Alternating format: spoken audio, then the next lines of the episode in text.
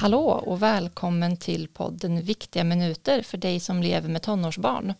Vi som gör den här podden är ju förebyggarenheten eh, i Kristinehamns kommun och eh, vi jobbar ju bland annat med föräldraskapsstöd och det är därför som vi gör den här podden som ett sätt att ja, få lite nya perspektiv kanske på att ha ungdomar i sin närhet.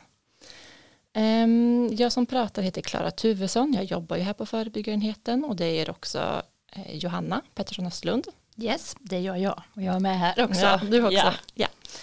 ja. Um, och idag tänkte vi prata om någonting som, som, eh, som kom upp ganska mycket i somras när vi hade sommarjobbare som, prat, som jobbar med eh, psykisk hälsa och det är oro. Och det här kring vad är en, liksom vad är, försöka luska i vad är en vanlig oro och vad är något som faktiskt är ja, men kanske en ohälsa som man behöver ta tag i och så. Um, och för att prata lite om det med oss har vi med oss Petra Eriksson som är kurator på första linjen. Hallå!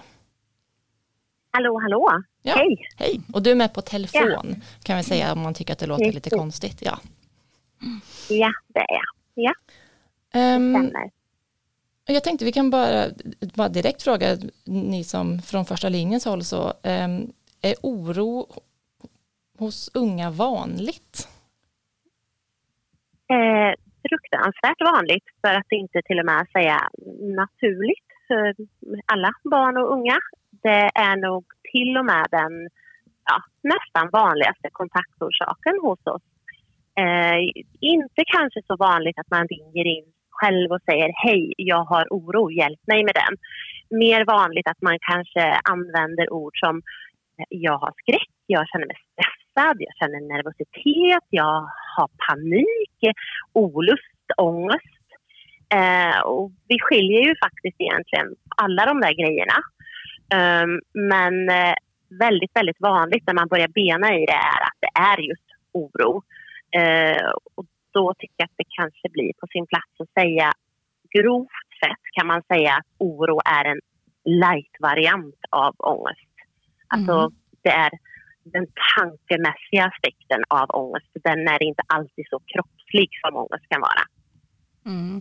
För det är väldigt vanligt också att mm. man som vuxen kanske säger åh jag har jobbångest eller och måndagsångest och, och det, söndagsångest och, mm. och det enda som är fysiskt det är kanske ett litet litet obehag i magen fast ja, ja. precis. Mm. precis. Så vi ja, och det är ju väldigt Ja, vi slarvar lite med, med orden skulle jag nog säga.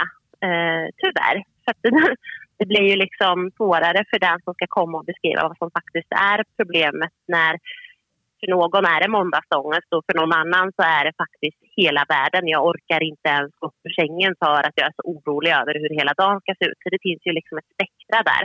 Mm.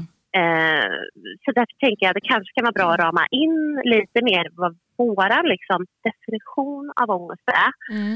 Eh, och då skulle man kunna säga att ja, men, alla människor har en medlärd beredskap för att ja, men, scanna av hot och faror. Och det är ju en livsviktig beredskap.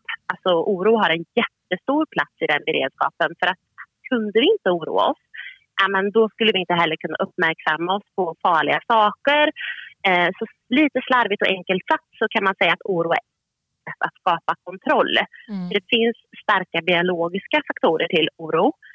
Eh, men när det inte liksom finns någon faktisk eh, ha, fara eller något faktiskt hot och vi ändå fortsätter att oroa oss eller vi fortsätter att hitta liksom, kontroll på saker som vi faktiskt inte kan kontrollera men då kan det bli ett jättestort bekymmer. Mm. Men i grund och botten så är ju oro när man i huvudet försöker undvika kommande faror. Man gör sig förberedd på hemska saker. Eh, och man, eh, alltså, det är som ett brandlarm där man ska liksom bli lite skärpt och liksom okej, okay, hur ska jag lösa det här nu? Men för en del så blir det som ett brandlarm som går hela tiden och då är det naturligtvis inte bra. Alltså det är naturligt och ett bra skydd igen, oftast att känna oro alltså. Kan man säga. Precis, det är ju det. Ja mm. men absolut. Och jag tänker att det kanske är viktigt där att nämna också att eh, oro är ju som vi nu har sagt, en naturlig del i livet men den är också mer vanlig i olika livsfaser eller i olika utvecklingsåldrar. Mm. Eh, som exempelvis små barn, då är det ju jättevanligt att de kanske är rädda för tjuvar eller för mörker eller spöken mm. eller monster under sängen. Liksom, det är fantasirädslor. Mm. Det är ganska naturligt för att den delen i hjärnan med fantasi och förmågan att tänka på det sättet utvecklas då. Mm. Tidig skolålder då brukar man säga, eller vi märker också att det är mer ja, men kanske specifika djur, en insekt eller Mm. Barn börjar också bli mer omvärldsorienterade så att det kan finnas oro kring ja, men, krig och naturkatastrofer eller nu corona. Mm. Eh, och jag tänker också här så börjar det smyga in sig lite grann de här sociala rädslorna som sen är kanske är mer helt dominant, dominanta i själva tonårsåldern. Liksom. Då är man ja, man är orolig för åh gud, hur ska jag passa in? Hur ska jag göra för att inte hamna utanför? Eh, hjälp om jag gör bort mig och nu blir jag granskad av andra och just det, en redovisning. Det finns liksom så mycket sådana saker som också blir naturliga att oroa sig för för att det är just den delen av hjärnan som, som utvecklas då. Mm. Så att eh, man kan se att det finns viss typ av oro eller vissa saker som man oroar sig mer för i, i vissa åldrar. Men som är i eh. tonårsåldern då, om man säger, eh, med den sociala mm. rädslan. Hur ska man liksom, hur ska man stötta den oron hos tonåringarna? För jag tänker, du börjar berätta om att kanske mörkerrädd och så, sen blir man ju utsatt för mörkret mm. dag ut och dag in och dag ut och dag in. Och till slut så kan, vågar man hantera det. Mm. Och då, för, det yeah för att de ger ju vika de här tidiga orosmomenten. Mm.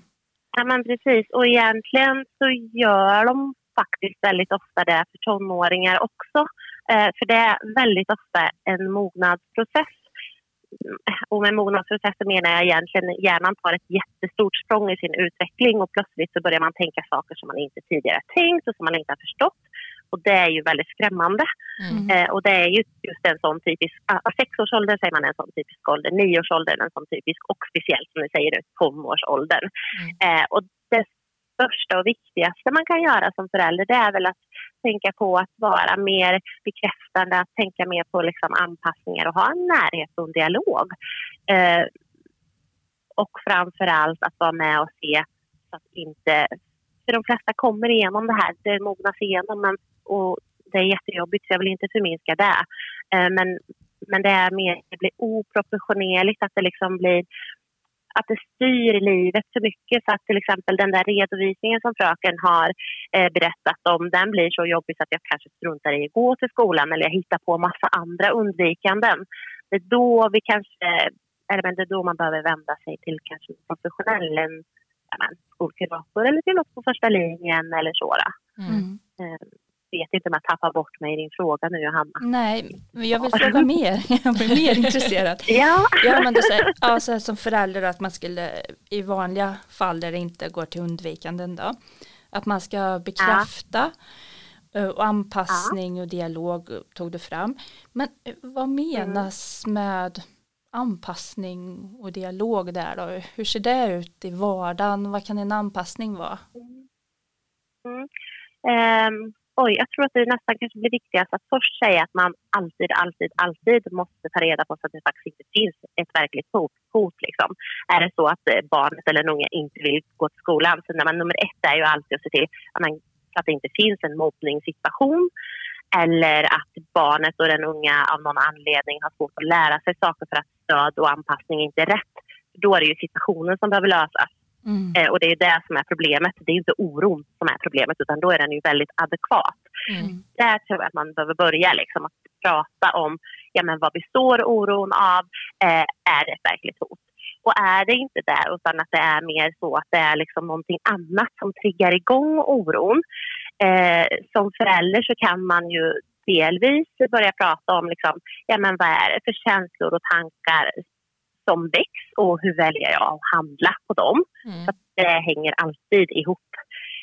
Och då kan man också när man har pratat om de sakerna testa mer anpassningar. Okej, okay, det här är jättejobbigt för dig. Vi börjar att utmana det och så börjar man ju liksom inte med det svåraste utan man anpassar och hittar, man delar upp liksom det som man är rädd för eller tycker är obehagligt i fler steg. Det som man skulle kunna kalla för exponering om man slänger sina fina termer. Eh, och då så börjar man ju att tillsammans liksom anpassa och vara med. Det här kan bekräfta, det här kan vara jobbigt, det är naturligt att det är jobbigt. Och så vara med och sen också när man har klarat av det steget uppmärksamma det, för då lär man ju sig och skaffar sig erfarenheter. Men shit, så här farligt var det inte. Den där hemska tanken som jag hade om att alla skulle skratta åt mig eller att eh, jag kommer göra bort mig, ingen vill längre vara med mig eller vad det nu kan vara för tankar, för det kan vara så många olika och det är individuellt. Mm. Den, det är liksom att motbevisa den, för det är väldigt, väldigt sällan som de tankarna som vi oroar oss om eller kring är sanna eller ens händer. Mm. Eh, så det handlar ju om att få liksom erfarenhet och eh, men att lära sig att ja, jag klarar det här. Liksom. Och det, det blev inte så där hemskt som jag trodde att det skulle bli. Så anpassningen eller liksom att, att det man gör är inte att man inte att man låter ungdomen slippa det den tycker är jobbigt, Nej. men inte heller att man går ut i en jättehård, utan att man i konfrontation, liksom, man, man försöker liksom lite lirka lite stegvis. Och, så, så, och säga att här, jag, jag, förstår att det här är jobbigt, men, men vi kan försöka den här lilla biten i alla fall. Liksom. Ja, men precis. Mm. För att om man hela tiden undviker det som är jobbigt. Jag förstår att det är skönt. Vi skulle kunna ta en sån situation som just det här med redovisa. Det är någonting som många faktiskt har ja, man tycker det är jobbigt eller räcker upp handen om, eller att fröken säger rakt ut. Ah, Kalle svarar på den här frågan. Eh, då är det ju inte jätteovanligt att det kommer just tankar att shit, den kommer svara fel, alla kommer tro att jag inte fattar något eller eh, folk kommer skratta åt mig eller och sen så drar det igång en massa känslor. Man kanske känner tryck i, i bröstet eller man kanske blir illamående. Man kanske eh, känner lite svindel. Eh, och så, så, blir det kanske väldigt lätt att försöka undvika det då genom att säga att eh, jag behöver gå på toaletten eller oj, jag glömde de papperna hemma eller mm. Eh, faktiskt skolka från den lektionen. Mm. Och kortsiktigt, ja, man slipper ju faktiskt det som var jobbigt och hotet försvann. Mm. Eh, så hjärnan tänker ju, oj, jag gjorde rätt för nu gick alla de här liksom, jobbiga tankarna och jobbiga känslorna bort. Eh, men det brukar bara förstärka det som man är rädd för. Så att det blir liksom kontraimproduktivt. Och med det menar jag inte att jag tycker att det är svinlätt att plötsligt bara hålla en redovisning. Jag förstår att det kan vara jättejobbigt. Men att då prata med eh, läraren om att det är jobbigt och liksom få ta mindre bitar, få stöd hemma, prata om det, kanske provredovisa hemma. Det finns ju flera olika sätt som man kan förbereda sig på. Mm. Där oron faktiskt blir, alltså den blir mer konkret eller den blir mer ja, vad ska jag säga, man, då använder man ju oron på ett sunt sätt att man förbereder sig. Okej, okay, jag är orolig för det här och det här. Men sen så är det, jag tänker att vi är olika och alla vågar ju inte göra allting. Och, det, Nej. Och, och så kan det väl få vara också, frågar jag som var, som var ganska orolig när jag var ung. Så, alltså jag hade ju kompisar ja. som åkte på utbytesår till Indien och, liksom, och jag var så här, gud det skulle jag aldrig hela mitt liv göra. Men liksom, Nej. Eh, ja, och jag, det där, vad glad jag blir att du tar upp just det. För att eh, delvis, ett, ja, vi måste ju få vara olika.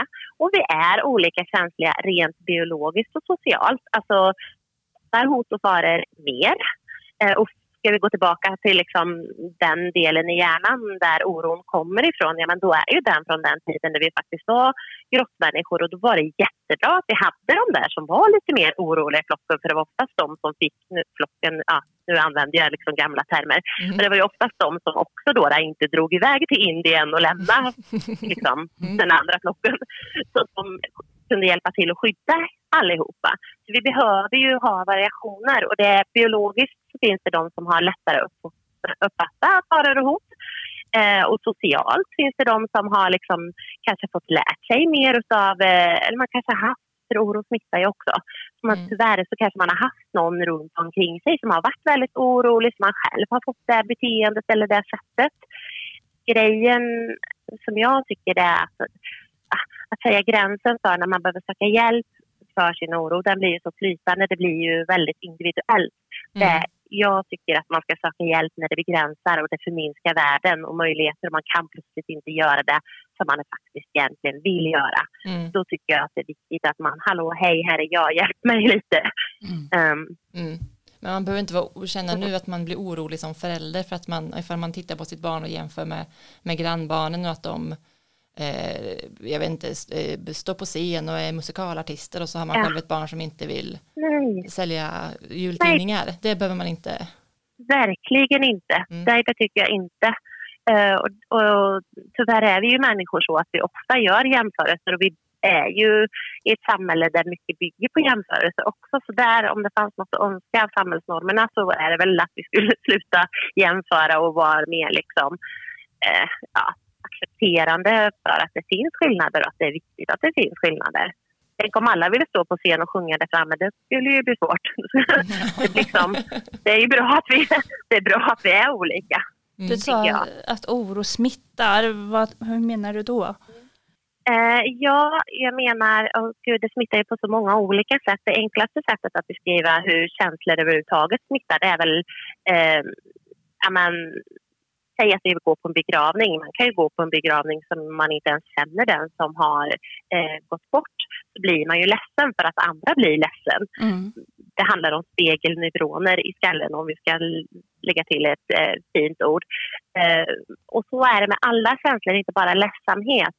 Mm. Att det smittar. De, man ser, ser av folk, folk runt omkring ser väldigt oroliga ut. Ja, men då är det nog någonting farligt på gång här. Då kanske jag också behöver vara orolig. Och så smittar det på det sättet. Och har man då kanske en närstående som är, eh, har lätt att bli orolig och eh, börja prata om mycket oro och sådär så då är det klart att man tänker att det är det naturliga eller att är det ett hot här som jag inte har uppfattat? Oj ja, och sen så plötsligt är man med inne i det där. Um, så det smittar på många olika sätt och det tänker jag att som vuxen har man ett ganska stort ansvar att eh, hantera sina känslor och vara med och dämpa starka känslor om det är känslor som kan eh, göra att det blir hinder liksom, för utveckling eller för i vardagen. Mm. Så en, en orolig förälder kan, dens oro kan smitta över på barn eller på tonåringen och sen är det tonåringen ja. som får gå och söka hjälp? Kan det vara så? Så kan det vara. Och I de här situationerna så rekommenderar jag naturligtvis föräldrar att söka hjälp också för att eh, även om man är vuxen och har jättemycket mer livserfarenhet med sig och vet att oj, det där som jag var orolig över, det klarar jag egentligen för att det har jag klarat tidigare, så eh, kan det ju vara bra att eh, hitta olika strategier att hantera sina känslor om det är så att man upplever att man plötsligt drunknar i dem eller att man märker att att man blir påverkad av dem eller påverkar andra. Mm, det är viktigt. Tänker jag. De här funktionerna i kroppen, eh, oron och eh, ångesten, de finns ju av en anledning. Det är ju ett skydd egentligen. Och ska vi liksom dra det till sin spets och säga att jag skulle gå utanför min dörr och det plötsligt skulle komma en stor skrämmande människa med en yxa springande mot mig, mm. men då är jag jätteglad att mitt ångestsystem reagerar och mm. får mig liksom att äh, agera, att hamna i det här som man kallar för äh, freeze, flight and fight. Alltså att kroppen skickar ut impulser, eller hjärnan skickar ut impulser till kroppen om att här är en farlig situation, du måste kunna slå, slåss för ditt liv eller du måste kunna fly för ditt liv eller du måste kunna spela död. Eh, de reaktionerna behöver finnas. Mm. Och de är jättebra att de finns när det faktiskt är en fara. Mm. Men när det inte är en fara så är de ju väldigt obehagliga mm. eh, reaktioner i kroppen att ha. Och jag tänker att eh, det är inte farligt att man får dem. För att eh, kroppen tål att få oroskänslor. Kroppen tål att få stress. Kroppen tål ångest i visst mått. Men om vi går med det hela tiden, eh, ja, men då tär det ju på kroppen på olika sätt. Och det då, ja, då behöver vi också be om hjälp för att hitta sätt att slå av de här systemen så att de inte ligger och ja, men tär på oss. Mm. Mm. Ja, men jag tänker på, eh, om jag bara får backa lite där du sa att, vi, att man vill ju vi vill ju ha ett visst mått av, eh, som du säger, att man reagerar på farliga situationer. Men jag tänker att vi vill ju också mm. ha, att ungdomar ska ha det här som vi kallar konsekvenstänk.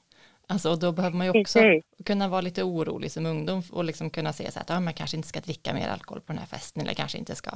Så att vi, vi vill ju också ja. få upp ungas oro ibland för saker. Så det är en balans också. Det är verkligen en balans, men det är ju också en fin sida av oro att den utvecklar konsekvenstänket och att den utvecklar vårt empatiska handlande. För mm. det är ju via oro som vi också kan börja empatisera med oss själva och andra. Så att oro har många fina funktioner. Sen är det lite spännande det här när vi kommer in på konsekvenstänk för att ibland, om vi ska återkoppla till det här som vi pratade om lite tidigare i samtalet med anpassningar, eh, ibland så är det så att vi vuxna har lite för höga krav kring hur mycket konsekvenstänk våra ungdomar ska ha. För att mm. den delen av hjärnan som sköter själva konsekvenstänket, den håller på att utvecklas väldigt mycket fram tills att den är 25. Mm. Och sen så finns det väldigt mycket fin forskning som visar att den fortsätter att utvecklas också, så det är inte kört efter man är 25. Men det liksom är väldigt mycket som händer fram tills att man är 25. Eh, och då tänker jag att vi vuxna ibland behöver liksom backa och, och påminna oss om det så att vi inte liksom blir förbannade och ställer orimliga krav på att våra barn och unga skulle minsann ha förstått det här. För det går ju att räkna ut att så här och så här blir det om man gör så här. Ja, det, ibland går det att räkna ut och ibland så är man inte där i processen för att man har inte med den utvecklingen eller man har fel dagsstatus idag eller eh, av olika skäl så blev det inte så. Vi behöver vara lite mer ödmjuka inför det. Jag tänker att som förälder att man kan tänka att jag har inte höga krav utan jag har rimliga krav. Men hur mm. synar man dem? För eh, jag tänker i alla fall att eh, de flesta av oss har höga krav på ungdomar. Mm. Fast vi tycker att de är rimliga. Det här är, ja, det här är liksom två miljoners frågan. Mm. För att väldigt många gånger när, när vuxna kommer till oss, och, eh, för det är ju så att det är inte alltid barnet eller den unga som vi pratar med. Ibland är det bara de vuxna man behöver prata med och ge lite tips och råd. Och då är det precis som du säger att många tycker nej men jag har ju bara rimliga krav och ska jag inte ha några krav då, då utvecklas de ju inte alls. Och det är ju den största farhågan man har som förälder att men gud jag ska ju uppfostra och skicka med massa bra grejer.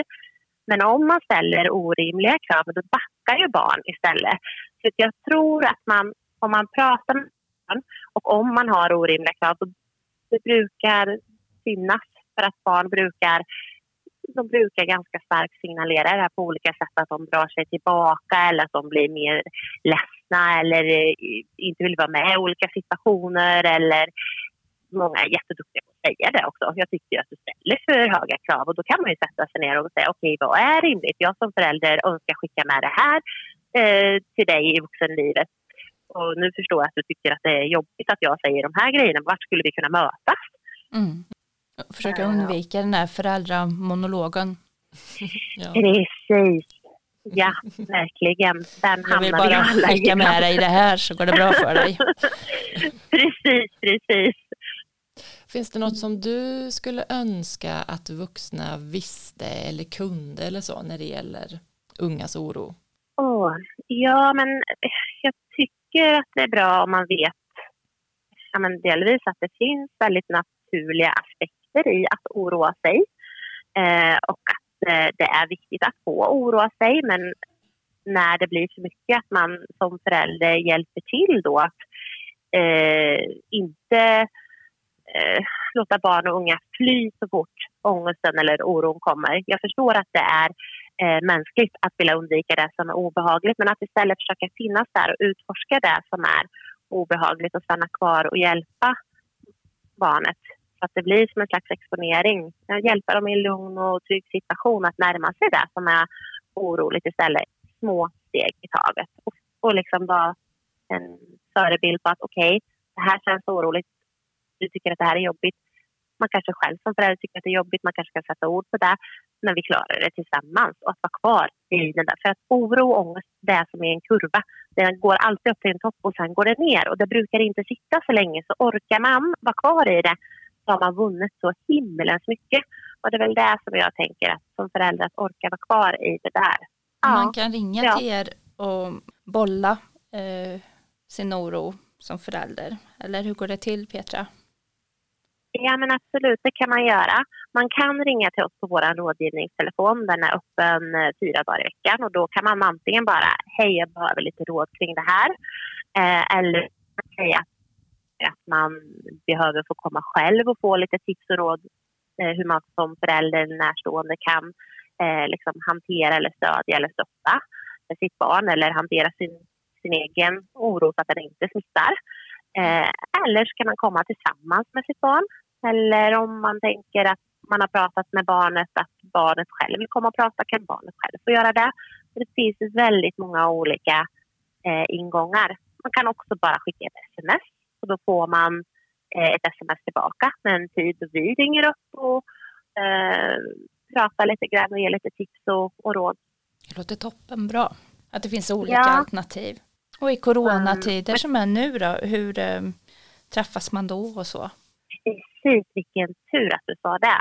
Jo, det är ju så att det finns ju restriktioner kring att vi ska försöka ha så få fysiska kontakter som möjligt. Eh, och då har vi fått varit lite uppfinningsrika kring det och nu finns det en app som heter Region Värmland som man laddar ner som kan hålla sekretessen och då kan man antingen via ett videosamtal prata med oss. Det har funkat förvånansvärt bra. Eh, och tycker man att det är jobbigt då att man tittar på varandra i videosamtal på det sättet så kan man bara stänga av kameran. Eller så kan man ringa i telefon och i vissa tillfällen och vissa situationer så är det så att man kan inte undvika att man faktiskt måste träffas fysiskt och prata och då löser vi ju det om alla är symptomfria såklart. Ja, toppen. Ja. Mm. ja. Det, det, finns lösningar på det också. Mm. mm. Vad bra.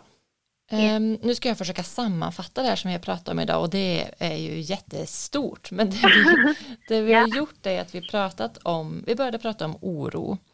Um, och att oro är naturligt hos unga och det handlar om att hjärnan utvecklas och att man har olika faser i livet och man är orolig för olika saker. Och hos unga står ofta det sociala livet lite så i fokus för, för oron. Um, och vi har försökt beskriva vad oro är och då eh, beskrev du det Petra lite som en light-ångest, att det handlar om att det, att det är en, en, en att det sitter mest i hjärnan eller mest i huvudet och att man försöker komma på sätt att undvika saker för att slippa det man är orolig för. Om man jämför då med en ångest som ofta sitter mer i kroppen och kanske är liksom hindrar den mer fysiskt från att göra saker. Ungefär så. Sen har vi pratat om att vi är olika eh, och vissa har mer oro och vissa är mer försiktiga och vissa är mer framåt och man behöver inte jämföra så mycket med andra utan det är bra att vi är olika. Vi har pratat om att oro smittar eh, och att oro är ett, är ett mönster som man kan lära sig av en närstående och därför är det viktigt att vuxna tar ansvar för att hantera sina egna känslor. Vi har pratat om också att ja, men i och med det här med att um, oro är naturligt och att kroppen faktiskt tål att vara orolig och tål också att ha ett, ett, ett visst mått av ångest men inte under en längre tid för då sliter det på kroppen eh, och då behöver man söka hjälp.